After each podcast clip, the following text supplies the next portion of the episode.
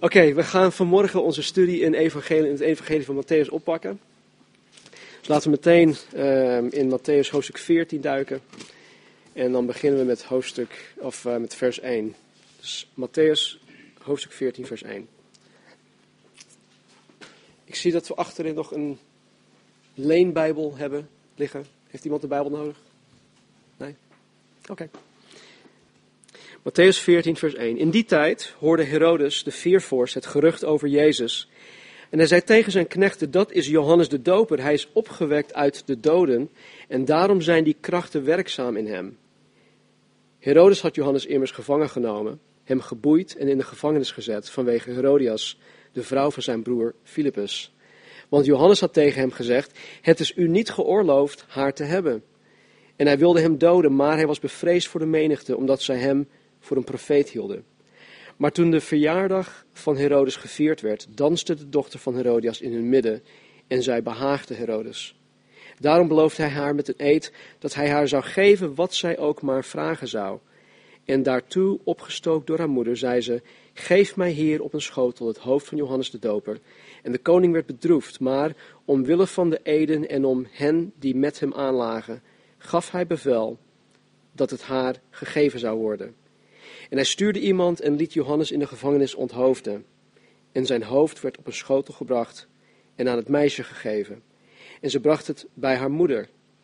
En zijn discipelen kwamen, discipelen van Johannes de Doper, namen het lichaam weg en begroeven het. Ze gingen heen en berichten het. Jezus, tot zover. Nou, in dit stuk komen wij Herodes weer tegen, of de naam Herodes weer tegen. Weten jullie nog wanneer wij deze naam voor het eerst in Matthäus tegenkwamen? Bij de geboorte, ja? Ja, bij de geboorte van Jezus. In uh, Matthäus hoofdstuk 2. Nou, in Matthäus hoofdstuk 2 ging het echter om Herodes de Grote. Weer een andere Herodes. Beetje verwarrend allemaal, die Herodesen. Maar dat was Herodes de Grote. En hij wilde Jezus als klein jongetje vermoorden. Vandaar dat hij de opdracht gaf om alle jongetjes van twee jaar oud of jonger helemaal uit te roeien van dat gebied. Nou, hier in Matthäus hoofdstuk 14 gaat het om de zoon van deze Herodes de Grote, en dat is Herodes Antipas. En deze Herodes Antipas was een viervorst, wat betekent dat hij een soort van stadhouder was over een kwart deel of een, een klein deel van het gebied van, uh, van Rome, of van Palestina. En in zijn geval, Herodes Antipas, regeerde hij over het gebied Galilea, waar Jezus vooral bezig was, en ook een ander gebied dat heet Perea. Laten we even teruggaan naar, hoofdstuk, uh, naar vers 1 en 2. In die tijd hoorde Herodes de viervorst het gerucht over Jezus. En hij zei tegen zijn knechten: Dat is Johannes de Doper, hij is opgewekt uit de doden. En daarom zijn die krachten werkzaam in hem. Nou, deze Herodes, Antipas, kreeg het een en ander over Jezus te horen. Ik, ik geloof niet dat er een enkel persoon was die niet iets over Jezus in die tijd had gehoord. Maar goed, hij kreeg ook het een en ander over Jezus te horen. En het eerste waar hij aan dacht, het eerste waar hij aan moest denken, was dat de geest van Johannes de Doper uit de dood teruggekomen was. Ik weet het niet uit ervaring, maar het komt kennelijk voor dat wanneer iemand een mens heeft vermoord, hij of zij echt bang is dat de geest van de vermoorde persoon uit het dodenrijk terugkomt om hem of haar te plagen. Moordenaars krijgen daar nachtmerries over. dat degene die ze vermoord hebben terugkomen. ik kan me voorstellen dat Herodes Antipas hier ook echt bang voor was. want zelfs toen Johannes de Doper leefde, was hij bang voor Johannes de Doper. Laat staan als iemand die uit de dood teruggekomen was. want Johannes de Doper, die hield absoluut geen blad voor zijn mond. Hij was recht door zee, recht voor zijn raap. Hij, hij, hij vertelde um, Herodes precies wat er aan de hand was. Hij durfde de waarheid tegen deze machthebber Herodes te zeggen. En dan niet zoals wij dat vaak doen, nou, ik zal je echt de waarheid vertellen. Nee, het was echt gewoon de waarheid die hij vertelde. Waarheid Gods. En ik geloof dat doordat deze Herodes een kwaad geweten had, dacht hij dat Johannes de Doper uit de dood teruggekomen was om te spoken. Om hem te plagen. Nou, dat is in vers 1 en 2. Nou, nu krijgen we wat we in het Engels een literary flashback noemen. Dat is iets wat um, simpelweg, het is een, een terugblik naar wat er gebeurd is. En dan staat er vanaf vers 3 dit. Herodes had Johannes immers gevangen genomen, hem geboeid en in de gevangenis gezet vanwege Herodias, de vrouw van zijn broer Filippus. Want Johannes de doper had tegen hem gezegd, het is u niet geoorloofd haar te hebben. En hij wilde Johannes de doper doden, maar hij was bevreesd voor de menigte, omdat zij Johannes de doper voor een profeet hielden. Dat deze Herodes, eigenlijk alle Herodesen, maakte deel uit van een zeer verstoorde familie. In het Engels noemen we dat een dysfunctional family. Het functioneerde voor geen, voor geen meter. Wie wie is en wie met wie trouwde is een zeer ingewikkeld verhaal in de familie van de Herodesen. En omwille van de tijd gaan we daar niet verder op in of dieper op in. Maar ik wil wel proberen om een niet zo ingewikkeld beeld voor jullie te schetsen. Je moet echt goed opletten. Herodes Antipas was getrouwd met Phasalis, de dochter van een Arabische koning, Aretas IV. Ja? Was getrouwd met Phasalis. Deze Phasalis had hij verstoten, waardoor koning Aretas Herodes en zijn leger aanviel en, ook, en hen ook versloeg. Althans, zijn leger. Vervolgens vroeg Herodes Antipas aan keizer Tiberius in Rome, hoofdkwartier, om hulp. En zo stuurde keizer Tiberius versterking vanuit Syrië om deze Aretas en zijn leger uit het gebied van Herodes te verdrijven.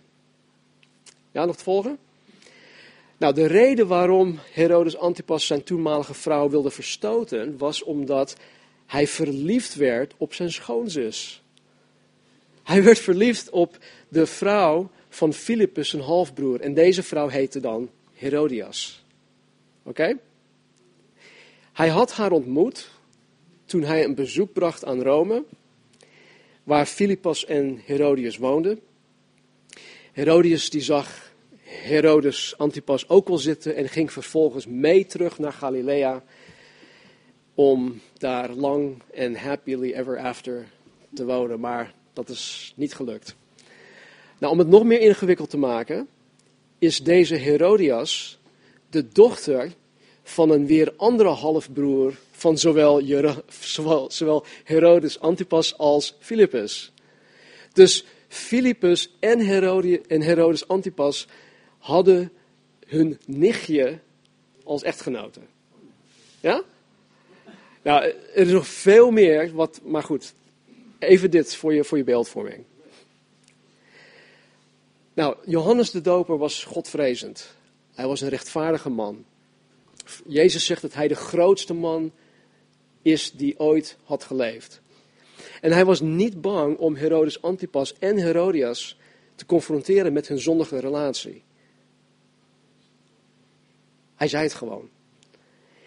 Nou, volgens Leviticus 18 mocht hij niet met zijn nicht trouwen. Dat was niet toegestaan. Volgens Leviticus 18 mocht hij ook niet met zijn schoonzus trouwen. Ook niet toegestaan. En daarnaast mocht hij volgens Deuteronomium 24 niet eens van zijn vrouw echt scheiden. Dus hij was op meerdere vlakken was hij gewoon fout bezig. Hij overtrad meerdere van Gods geboden. En vandaar dat Johannes de Doper tegen hem zei: Het is u niet geoorloofd haar te hebben. Nou, de werkwoordsvorm wijst erop dat Johannes de Doper hen er continu op wees. Hij bleef hen daarop wijzen. Dat hun, dat hun relatie niet kosher was. En niet alleen dat, hij vertelde het niet alleen aan, aan hen, hij schreeuwde het als het ware van de daken. Ik, ik geloof dat als Johannes de Doper het had kunnen twitteren. of als hij een blog had uh, geschreven, dan had hij dat echt via Twitter en een blog continu geschreven. En daarom, daarom wilden Herodes en Herodias Johannes de Doper ombrengen. Nou, wat me opvalt, is ondanks dat Herodias van Filippus volgens de wet, het was legitiem, volgens de wetgeving gescheiden was, die waren, die waren gescheiden. En, vol, en, en vervolgens was um, Herodias opnieuw getrouwd of hertrouwd met Herodes Antipas, ziet de Heilige Geest Herodias nog steeds als de vrouw van Filippus. Wat staat er in vers, vers 3? Herodes had Johannes immers gevangen genomen, hem geboeid en in de gevangenis gezet vanwege Herodias, de vrouw van zijn broer Filippus. Ze waren op dat moment al getrouwd, Herodes en Herodias. Maar de Heilige Geest die Matthäus had geïnspireerd, die, die, die, die erkent dat niet eens. Hij ziet nog steeds dat Herodias de vrouw van Filippus is. En dit bevestigt in de praktijk hoe God, hoe Jezus, hoe de Heilige Geest het huwelijk ziet. En hoe God echtscheiding ziet. Nou, ik ga er nu niet dieper op in. We hebben dit grondig behandeld in onze studie in de bergreden, Matthäus 5, vers 31, 32, zoiets. Um, dus mocht je dat willen luisteren, het staat op de website. Vers 6. Maar toen de verjaardag van Herodes gevierd werd, danste de dochter van Herodias in hun midden en zij behaagde Herodes. Daarom beloofde hij haar met een eed dat hij haar zou geven wat zij ook maar vragen zou. En daartoe, opgestookt door haar moeder, zei ze: Geef mij hier op een schotel het hoofd van Johannes de Doper. Nou, verjaardagen die werden destijds alleen maar door de heidevolken gevierd. De Joden die vierden geen verjaardagen. Ten tweede was het gebruikelijk dat alleen mannen aanwezig waren op dit soort verjaardagsfeesten. Een soort van, uh, in het Engels heet dat een stag party. Hè? Een soort van, uh, we kennen dat als verjaar, uh, hoe heet dat, vrijgezellenfeesten tegenwoordig. Voor vrouwen apart, man apart. En het was meest waarschijnlijk zo'n soort verjaardagsfeest waarin allerlei ja, losbandigheid en dat soort dingen voorkwam. En het dansje van Salome, de dochter van Herodias, dat was niet een, een, een dansje zoals je dat hier in de kerk zou gaan zien, maar het was, het was een, een, erotisch, een erotische dans. Het was niet bedoeld om. Ja, een soort. Dankjewel, Mike. het was een. Uh, ja, ik hoor net een lapdance. Misschien wel was het, was het zoiets. Het was erotisch. En ja, waardoor een stomdronken Herodes Antipas haar natuurlijk begeerde en haar vervolgens een hoop had beloofd. Vers 9. En de koning werd bedroefd, maar omwille van de eden en om hen die met hem aanlagen, gaf hij bevel dat het haar eh, gegeven zou worden. En hij stuurde iemand en liet Johannes in de gevangenis onthoofden. En zijn hoofd werd op een schotel gebracht en aan het meisje gegeven en zij bracht het bij haar moeder. Nou, deze Herodes Antipas die handelde vanuit angst. Hij was voor alles bang. Hij, hij vreesde uh, het volk, want hij wilde Johannes de Doper in eerste instantie niet doden, omdat het volk dacht, nou Johannes de Doper is een profeet, dus ja, dan krijg ik het volk op mijn nek. Dus hij vreesde het volk. Hij was angstig voor zijn vrouw Herodias. Herodias is, het, is de nieuwtestamentische tegenhanger van Jezebel uit het, uit het Oud Testament. Verschrikkelijke vrouw was dat. Hij was angstig voor zijn gasten. En hij was angstig om zich te laten kennen. Dus wat doet hij? Hij laat Johannes de Doper onrechtmatig, zonder een eerlijk proces, executeren. Als je het zo ziet, heeft hij Johannes de Doper vermoord. Hij heeft gewoon moord gepleegd. Vers 12. En zijn discipelen kwamen, na, kwamen, namen het lichaam weg en begroeven het. Ze gingen heen en berichten het Jezus. Ik, ik, ik kan me niet voorstellen hoe het voor deze discipelen was om het lichaam van Johannes de Doper op te rapen, een onthoofd lichaam op te rapen, het vervolgens te wassen en voor te bereiden voor de begraving. En dan, en dan dat te begraven. Het was hun vriend. Eh, het was iemand waar, waarvan zij hielden. Het was de grootste profeet ooit. Het was, voor hen was het Gods spreekbuis. God sprak door Johannes de Doper tot hen. Hij was de grootste man die zij ooit gekend hebben. Onder wiens bediening zij hun zonde hadden beleden. Onder wiens bediening zij zich tot God bekeerd hadden. En op een gruwelijke wijze waren ze die man, hun geliefde vriend, ineens, ineens kwijt. Het mooie ervan is dat ze naar Jezus toe gingen om het aan hem te vertellen. En het is mooi omdat het aangeeft dat Johannes de Doper uiteindelijk geloofde dat Jezus de Messias is. Weet jullie nog, in hoofdstuk 11 lazen we dat Johannes de Doper twijfelde. Hij stelde, hij stelde de vraag aan zijn, aan zijn knechten. Uh, vraag aan Jezus, is hij het? Is hij de Messias? Of, of moeten we voor een ander zoeken?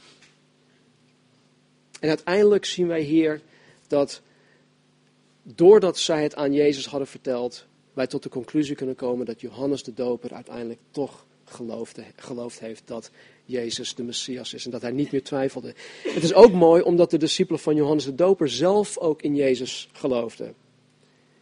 En ze moesten het per se aan Jezus vertellen. Niet aan die of aan die of aan die, nee, aan Jezus. Nou, het trieste in dit verhaal is dat Herodes Antipas niet tot een reddend geloof in Jezus Christus is gekomen. Niet in hier, maar nooit.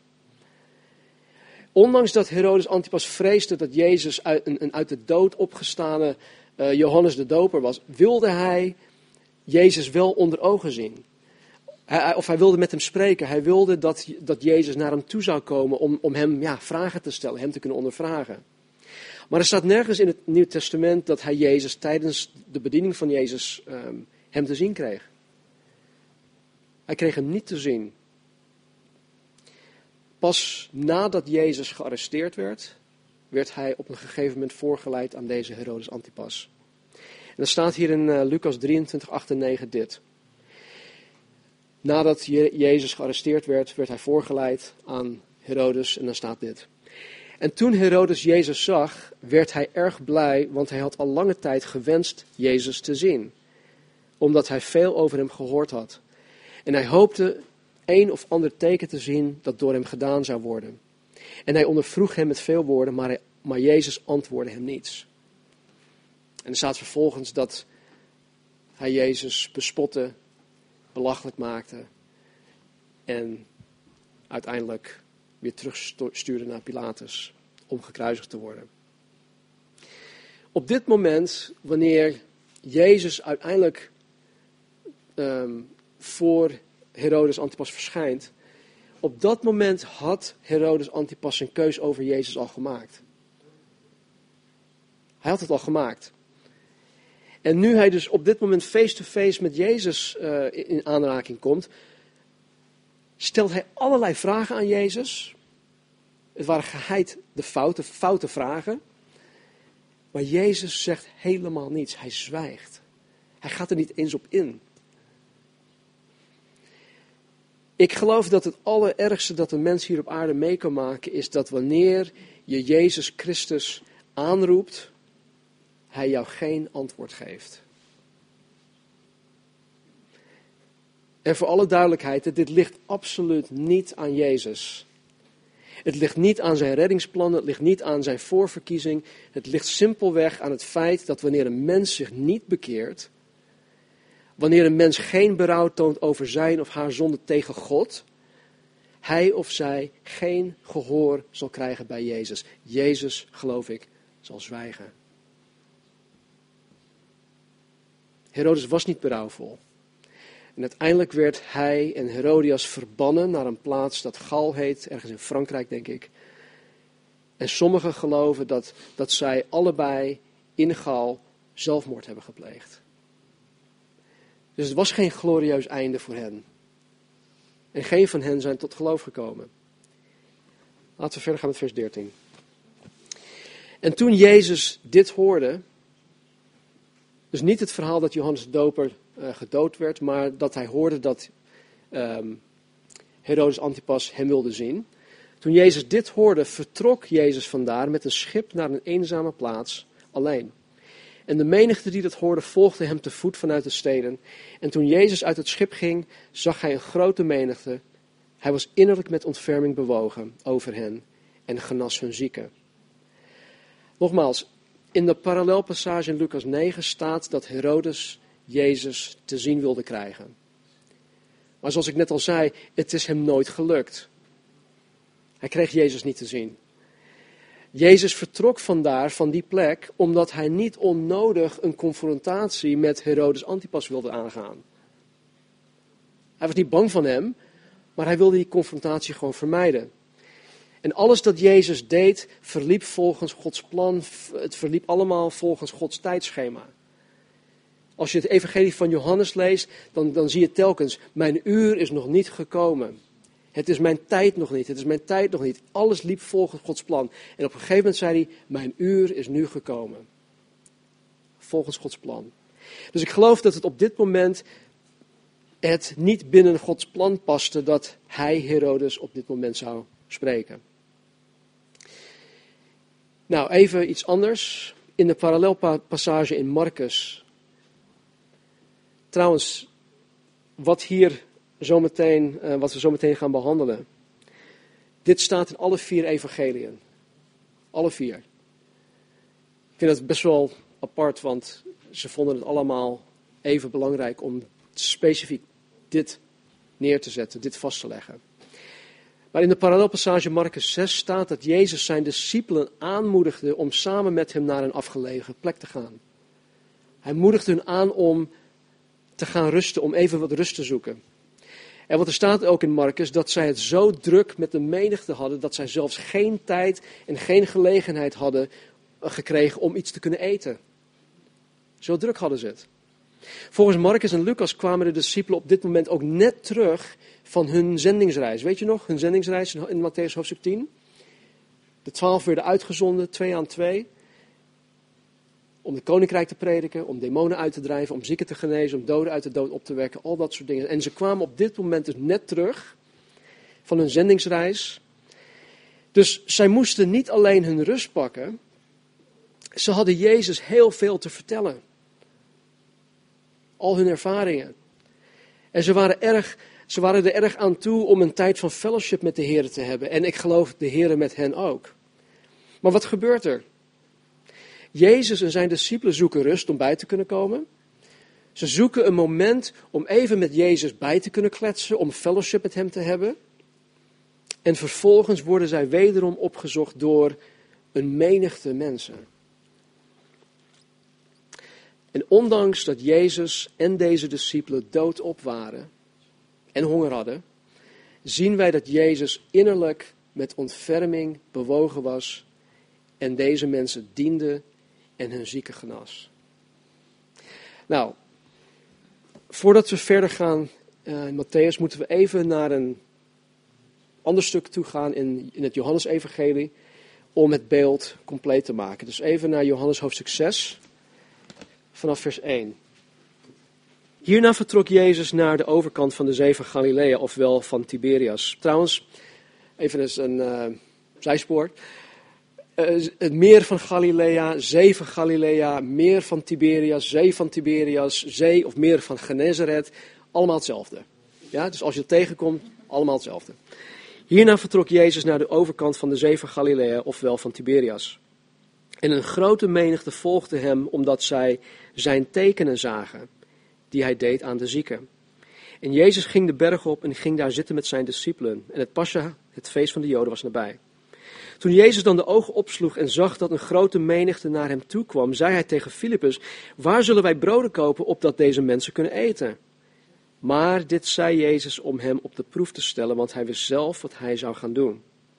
Filippus antwoordde hem: Voor 200 penningen brood is voor hen niet genoeg, zodat ieder van hen een beetje zou kunnen krijgen. Een van zijn discipelen, Andreas, de broer van Simon Peter, zei tegen hem: Hier is een jongetje dat vijf gerstebroden en twee visjes heeft, maar wat betekenen die voor zoveel? Tot zover. Jezus en zijn discipelen die zijn moe. Die zijn echt moe. Ze hebben allemaal honger. Wat gebeurt er? Een menigte komt op en af, wiens noden Jezus meteen herkent. En wat doet hij? Hij gaat hen dienen. Naast het feit dat Jezus hun zieken genas, wilde Jezus ook de inwendige mens versterken. Er staat nergens dat ze erom vroegen. Maar Jezus herkent hun nood en hij komt hun nood tegemoet. Wat doet hij? Jezus, je moet je voorstellen, Jezus is bezig het koninkrijk der hemelen te prediken, want in Marcus staat ook dat hij het evangelie bracht. Dus hij is bezig het koninkrijk der hemelen te prediken. Hij is bezig uh, met het genezen van mensen, enzovoort, enzovoort. En dan legt Jezus een voor de discipelen niet op te lossen probleem bij Filippus neer. En hij vraagt hen om dat probleem op te lossen. Nou, ik kan me voorstellen dat Filippus naar de andere discipelen toe ging en aan hen vroeg: Wat moeten we hier nou mee? Wat moeten we hiermee? Wij hebben niks om aan die menigte te geven. We hebben geen geld om eten te kopen. Wij kunnen helemaal niets. Wij kunnen niks. Wat moet ik zo meteen tegen Jezus zeggen? We kunnen niets. Ik kan me voorstellen dat de discipelen zich helemaal suf hebben gebrainstormd om, om, om een, een oplossing te zoeken. Ze hebben waarschijnlijk ook overal gezocht naar eten. Maar ze hadden gewoon geen oplossing voor dit probleem. Geen oplossing. Het allerbeste dat zij konden bieden was twee visjes en vijf broodjes. Nou, als ik, een gerst, als ik eh, denk aan een gerstebrood, dan denk ik aan een, een heel brood. Hè? Gesneden, heerlijk, zo'n brood. Nou, vijf broden, ieder een stukje. Wij kunnen in ieder geval eten. Maar vijf broodjes, het waren waarschijnlijk van die hele kleine, platte broodjes. Uiteindelijk was het een lunchpakket voor een jongetje. En niet voor Roelof. het waren kleine broodjes, à broodje haring, laten we het even zo zeggen. Net genoeg voor het jongetje, maar zeker niet genoeg voor de discipelen, laat staan de menigte. Dus Jezus legt het probleem bij de discipelen neer. En de oplossing die ze uiteindelijk aan Jezus voorleggen, zien wij in Matthäus. Dus laten we even teruggaan naar Matthäus. En dan pakken we het op bij vers 15. Matthäus 14, vers 15. Hier komt hun oplossing. Toen het avond werd, kwamen zijn discipelen naar hem toe, naar Jezus toe en zeiden: Deze plaats is eenzaam, het is uitgestorven en de tijd is nu verstreken. Stuur de menigte weg, zodat zij naar de dorpen kunnen gaan om voor zichzelf voedsel te kopen. Jezus zei echter tegen hen: Het is niet nodig dat zij weggaan. Geeft u hun te eten. Maar ze zeiden tegen hem: We hebben hier niets dan vijf broden en twee vissen. Tot zover. Jezus legt het probleem bij de discipelen neer. Ja? Zij gaan met elkaar in beraad. Zij gaan op zoek naar een oplossing. En de oplossing waarmee zij komen was dit: stuur de menigte weg. Stuur ze weg. Zodat ze naar de dorpen kunnen gaan, om voor zichzelf voedsel te kopen. Makkelijk toch? Let's go Dutch. Dutch Street. Ieder voor zich. maar Jezus had al lang een plan bedacht. Maar hij wil zijn discipelen een essentiële les leren. Hij wil ons een essentiële les leren. Dus wat doet Jezus? In plaats van dat hij hun tegemoet komt in hun probleem, legt hij de lat nog eens hoger. Hij legt de lat nog hoger. Eerst vroeg Jezus aan Filippus waar zij eten konden kopen om de menigte te, te, te voeden, de menigte te voeden. Nu, wetende dat zij met lege handen bij Jezus kwamen, zegt Jezus: Het is helemaal niet nodig dat zij weggaan. Geeft u hun te eten. Ze hebben helemaal niks. We hebben hier niets dan vijf broden en twee vissen. Maar vanuit een, het, het beperkt oogpunt van de mens is dit een druppel op een gloeiende plaat. Het stelt helemaal niks voor. Het stelt niks voor. Maar kijk wat Jezus hiermee gaat doen.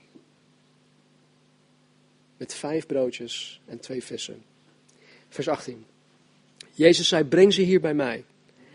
En hij gaf de menigte opdracht op het gras te gaan zitten. In Marcus staat dat zij in groepen van 50 en groepen van 100 opgesplitst werden.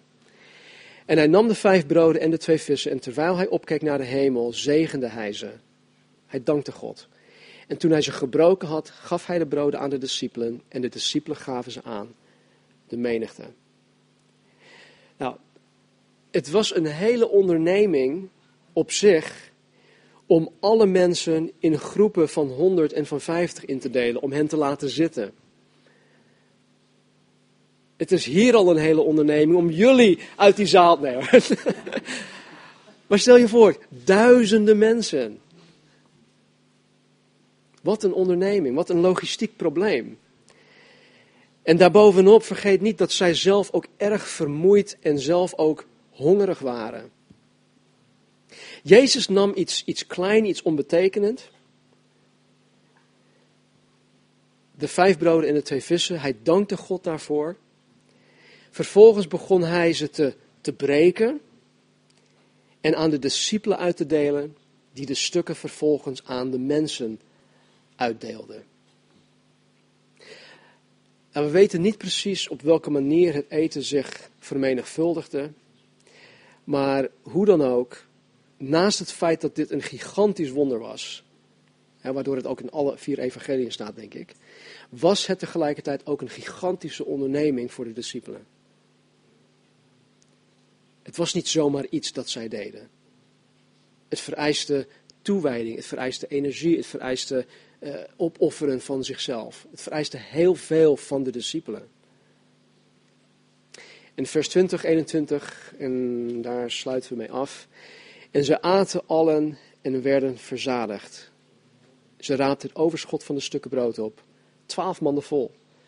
Zij die gegeten hadden waren ongeveer vijfduizend mannen. De vrouwen en de kinderen niet meegeteld. Nou, die hele menigte, naar inschatting zo'n 15.000 mensen, hadden zichzelf helemaal volgegeten. Helemaal volgegeten. Ik geloof zelf dat dit de beste visbroodjes die ze ooit hebben gegeten waren. Want ja, uiteindelijk ze kwamen uit de handen van Jezus zelf.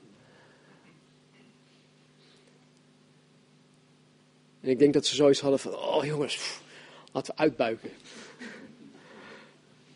En maar kijk wat er overgebleven was. Twaalf manden vol. Eén mand voor elke discipel. Eén mand voor elke discipel. Dus ook zij waren voorzien in hun noden. En weet je, het valt me op dat er geen dertien manden waren. Twaalf voor de discipelen, één voor Jezus. En misschien wilde Jezus hen ook leren om wat zij hadden met hem te delen. Weet ik niet. Maar er waren maar twaalf, twaalf mannen, één voor elke discipel. Nou, nu tot slot zie ik in dit verhaal dat Jezus hen en ons hiermee een aantal essentiële en praktische lessen wilde leren. Lessen die voor mij, die voor jullie als christen heel erg belangrijk zijn. Lessen die voor, voor hen in hun toekomstige bediening, jullie in jullie huidige en toekomstige bediening onmisbaar zijn. Onmisbaar. Nou, de eerste les was dat zij zich moesten terugtrekken van onnodige confrontatie en gevaar.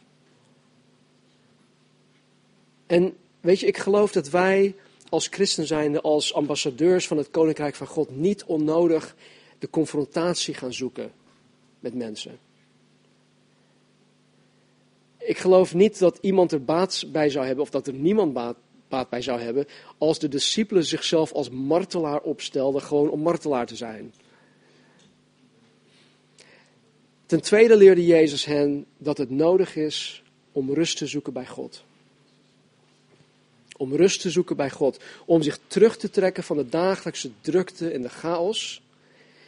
Om door God verfrist en verkwikt te worden. En om zijn leiding te zoeken. Maar kijk wel wat er voorafgaande gebeurde. Wat er voorafgaande gebeurde. Ze waren keihard aan het werk. Ze waren bezig met de dingen van God. Ze waren bezig met Gods koninkrijk. Dus ik geloof dat Jezus hen wilde leren om rust te zoeken bij God, om zich terug te trekken. Maar de voorwaarde is wel dat zij eerst keihard werkten. Ten derde leerde Jezus hen dat zij innerlijk, zoals hij, met ontferming bewogen moeten zijn ten aanzien van de noden van anderen. En dan niet alleen met de geestelijke noden, maar ook de praktische noden van de mens. En, en wat dat ook mag zijn. Het is zo verschillend. Maar als God een mens op je pad brengt, als er een nood bekend wordt, hoe ga je daarmee om? God wil dat wij innerlijk met ontferming bewogen zijn voor mensen en hun noden. Ten vierde leerde Jezus hen dat zij bereid moeten zijn om hun eigen rust en eigen vrije tijd op te offeren omwille van de noden van anderen.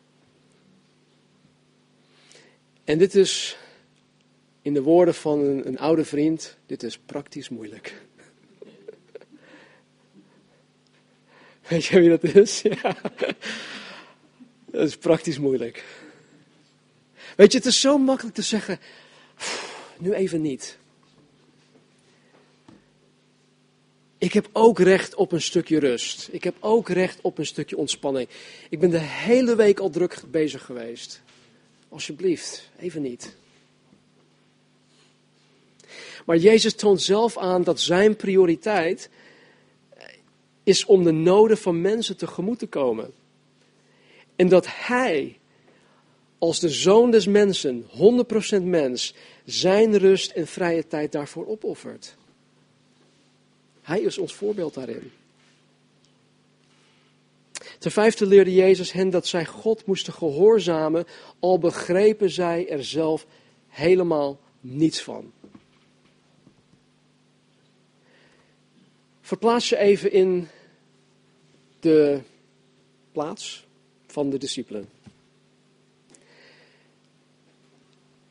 Zij kregen de, de, opdracht van Jezus. Er was nog geen eten in zicht, behalve de vijf broden en twee vissen. er was geen catering service. Er was geen, uh, nee, helemaal niks. En Jezus geeft hun de opdracht, laat de mensen in groepen van 50 en 100 zitten.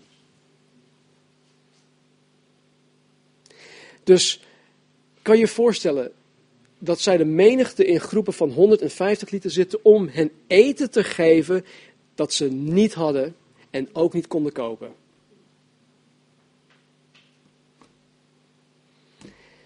Ondanks dat zij zich in een onmogelijke situatie bevonden, ondanks dat zij totaal niet snapten waarom zij dit moesten doen, deden ze het wel.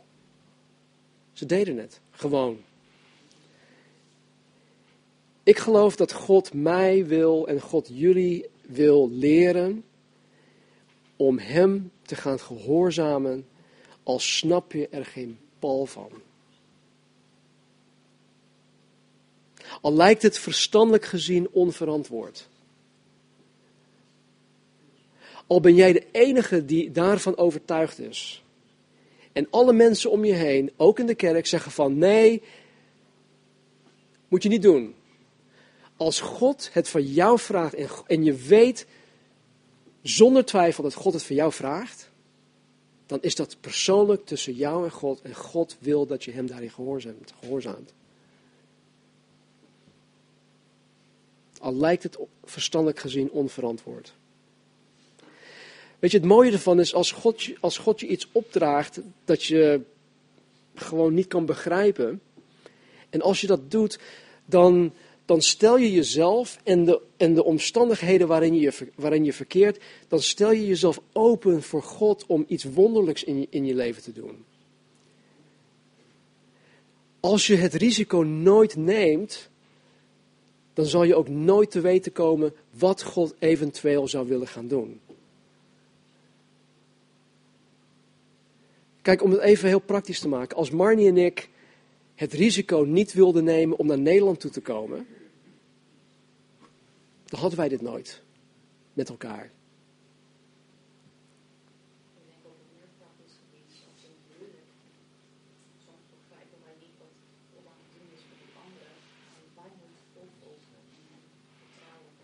Ja, ja, klopt. Wil jij even? Nee. En wat Marnie ook zegt, ook in het huwelijk is het zo. Hè?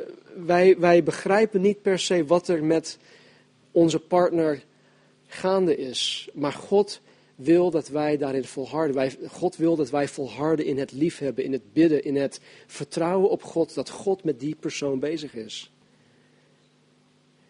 En nogmaals, in de woorden van een oude vriend, dat is praktisch moeilijk. Maar weet je, we hebben elkaar daarvoor nodig om elkaar te ondersteunen, om elkaar te bemoedigen. Ten zesde leerde Jezus hen dat in de bediening gaat het erom dat je allereerst voor de noden van anderen zorgt in plaats van je eigen noden. Jezus zei: Geef mij wat je hebt en wij gaan het aan hen geven. Weet je, het is mens eigen om te zeggen van, oeh, ik heb echt honger. Die broodjes die zien er gewoon echt lekker uit. Maar Jezus zegt, geef het aan mij. Geef aan mij wat je hebt en vervolgens ga ik het weggeven. Dat is toch, dat is toch niet normaal, die gedachte?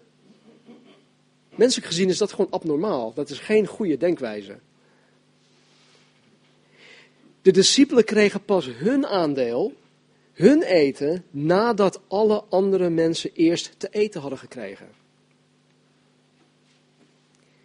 En hierin zie ik dat Jezus hen en ons wil leren dat in de bediening gaat het erom dat je allereerst voor de noden van anderen zorgt in plaats van je eigen noden. Ik kan me ook voorstellen dat de discipelen zoiets hadden van, terwijl ze aan het uitdelen waren, van oeh, ik ben benieuwd hoe lang dit nog door zou gaan, het vermenigvuldigen van dit eten. Wat als die stroom ophoudt? wat als het ophoudt voordat wij gegeten hebben? Maar er was genoeg voor iedereen.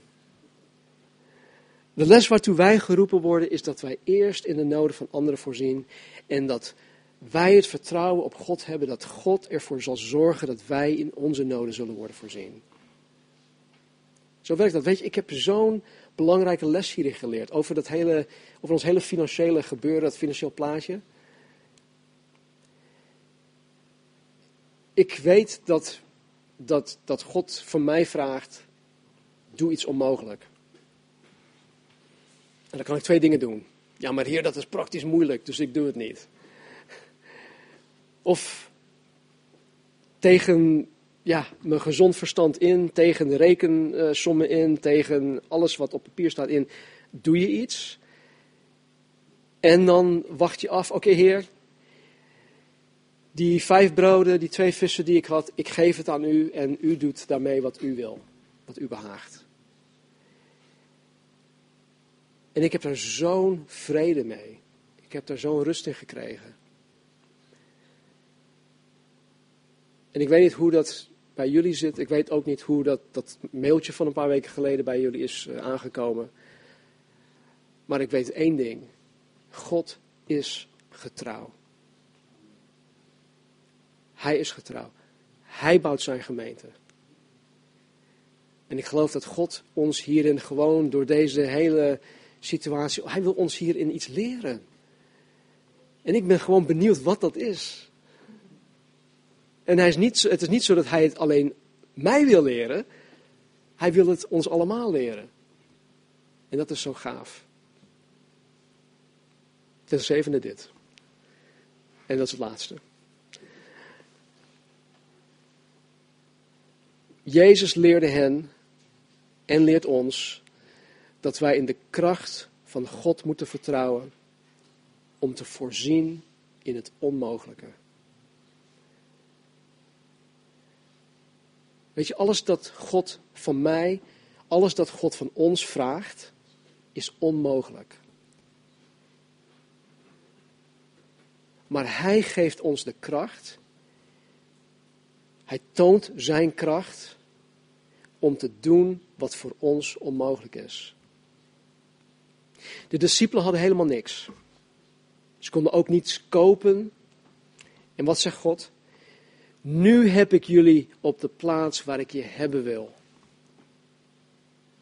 Nu kan ik iets laten zien. Nu ga je leren dat wanneer je het punt bereikt hebt waarin je uh, niets hebt en niets kan, je mij gaat vertrouwen om daarin te gaan voorzien. Het is echt pas wanneer we echt helemaal niks kunnen, helemaal niks hebben, dat God met zijn kracht ons daarin tegemoet komt.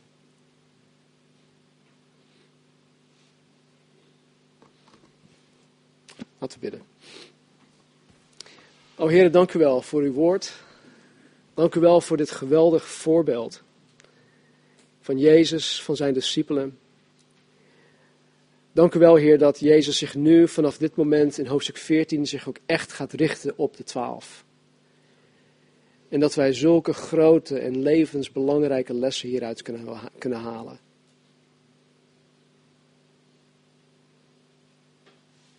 Heren, net als de twaalf discipelen, heren, zijn wij stuk voor stuk mensen van vlees en bloed. Mensen die het niet weten. Mensen die u zo hard nodig hebben. Heer, u vraagt het onmogelijke van ons. En wanneer u dat vraagt, legt u de lat nog, een, nog eens een keertje hoger. Om het nog meer onmogelijk te maken. Dus heren, wat u op dit moment met een ieder van ons aan het doen bent. Hoe onmogelijk elke situatie er ook uitziet. Geef een ieder van ons, heren, geloof en vertrouwen dat u met het kleine dat we hebben, met onze onmacht, met onze onwetendheid, met onze onkunde, Heer, dat u daarmee iets van kan maken. Heer, als ik Genesis hoofdstuk 1 kan geloven. Ex nihilo, Heer, dat u van niets iets hebt gemaakt. Heer, dan is elke situatie waarin ik mij bevind, elke situatie waarin wij ons bevinden, totaal geen probleem voor u om op te lossen. Dus Heer, doe het. Breng ons in onmogelijke situaties. Leid ons, Heer, naar die plekken waar we het niet meer weten. Waar we niets meer kunnen. Heer, waar we niets meer hebben. En toon ons daarin uw glorie, uw kracht, uw majesteit. Bereid ons voor, Vader op wat u voor ons, voor Cross Culture Calvary Chapel in petto heeft. En zegen ons, Heer. Zegen ons opdat wij een zegen voor u mogen zijn. En een zegen, Heer, voor elkaar en een zegen voor de wereld om ons heen. Geef ons deze week opnieuw gelegenheden om uw woord te zaaien. Om te begieten. Om te planten. En snoei ons, Heer opdat wij meer vrucht dragen. Omwille van uw naam. In Jezus' naam. Amen.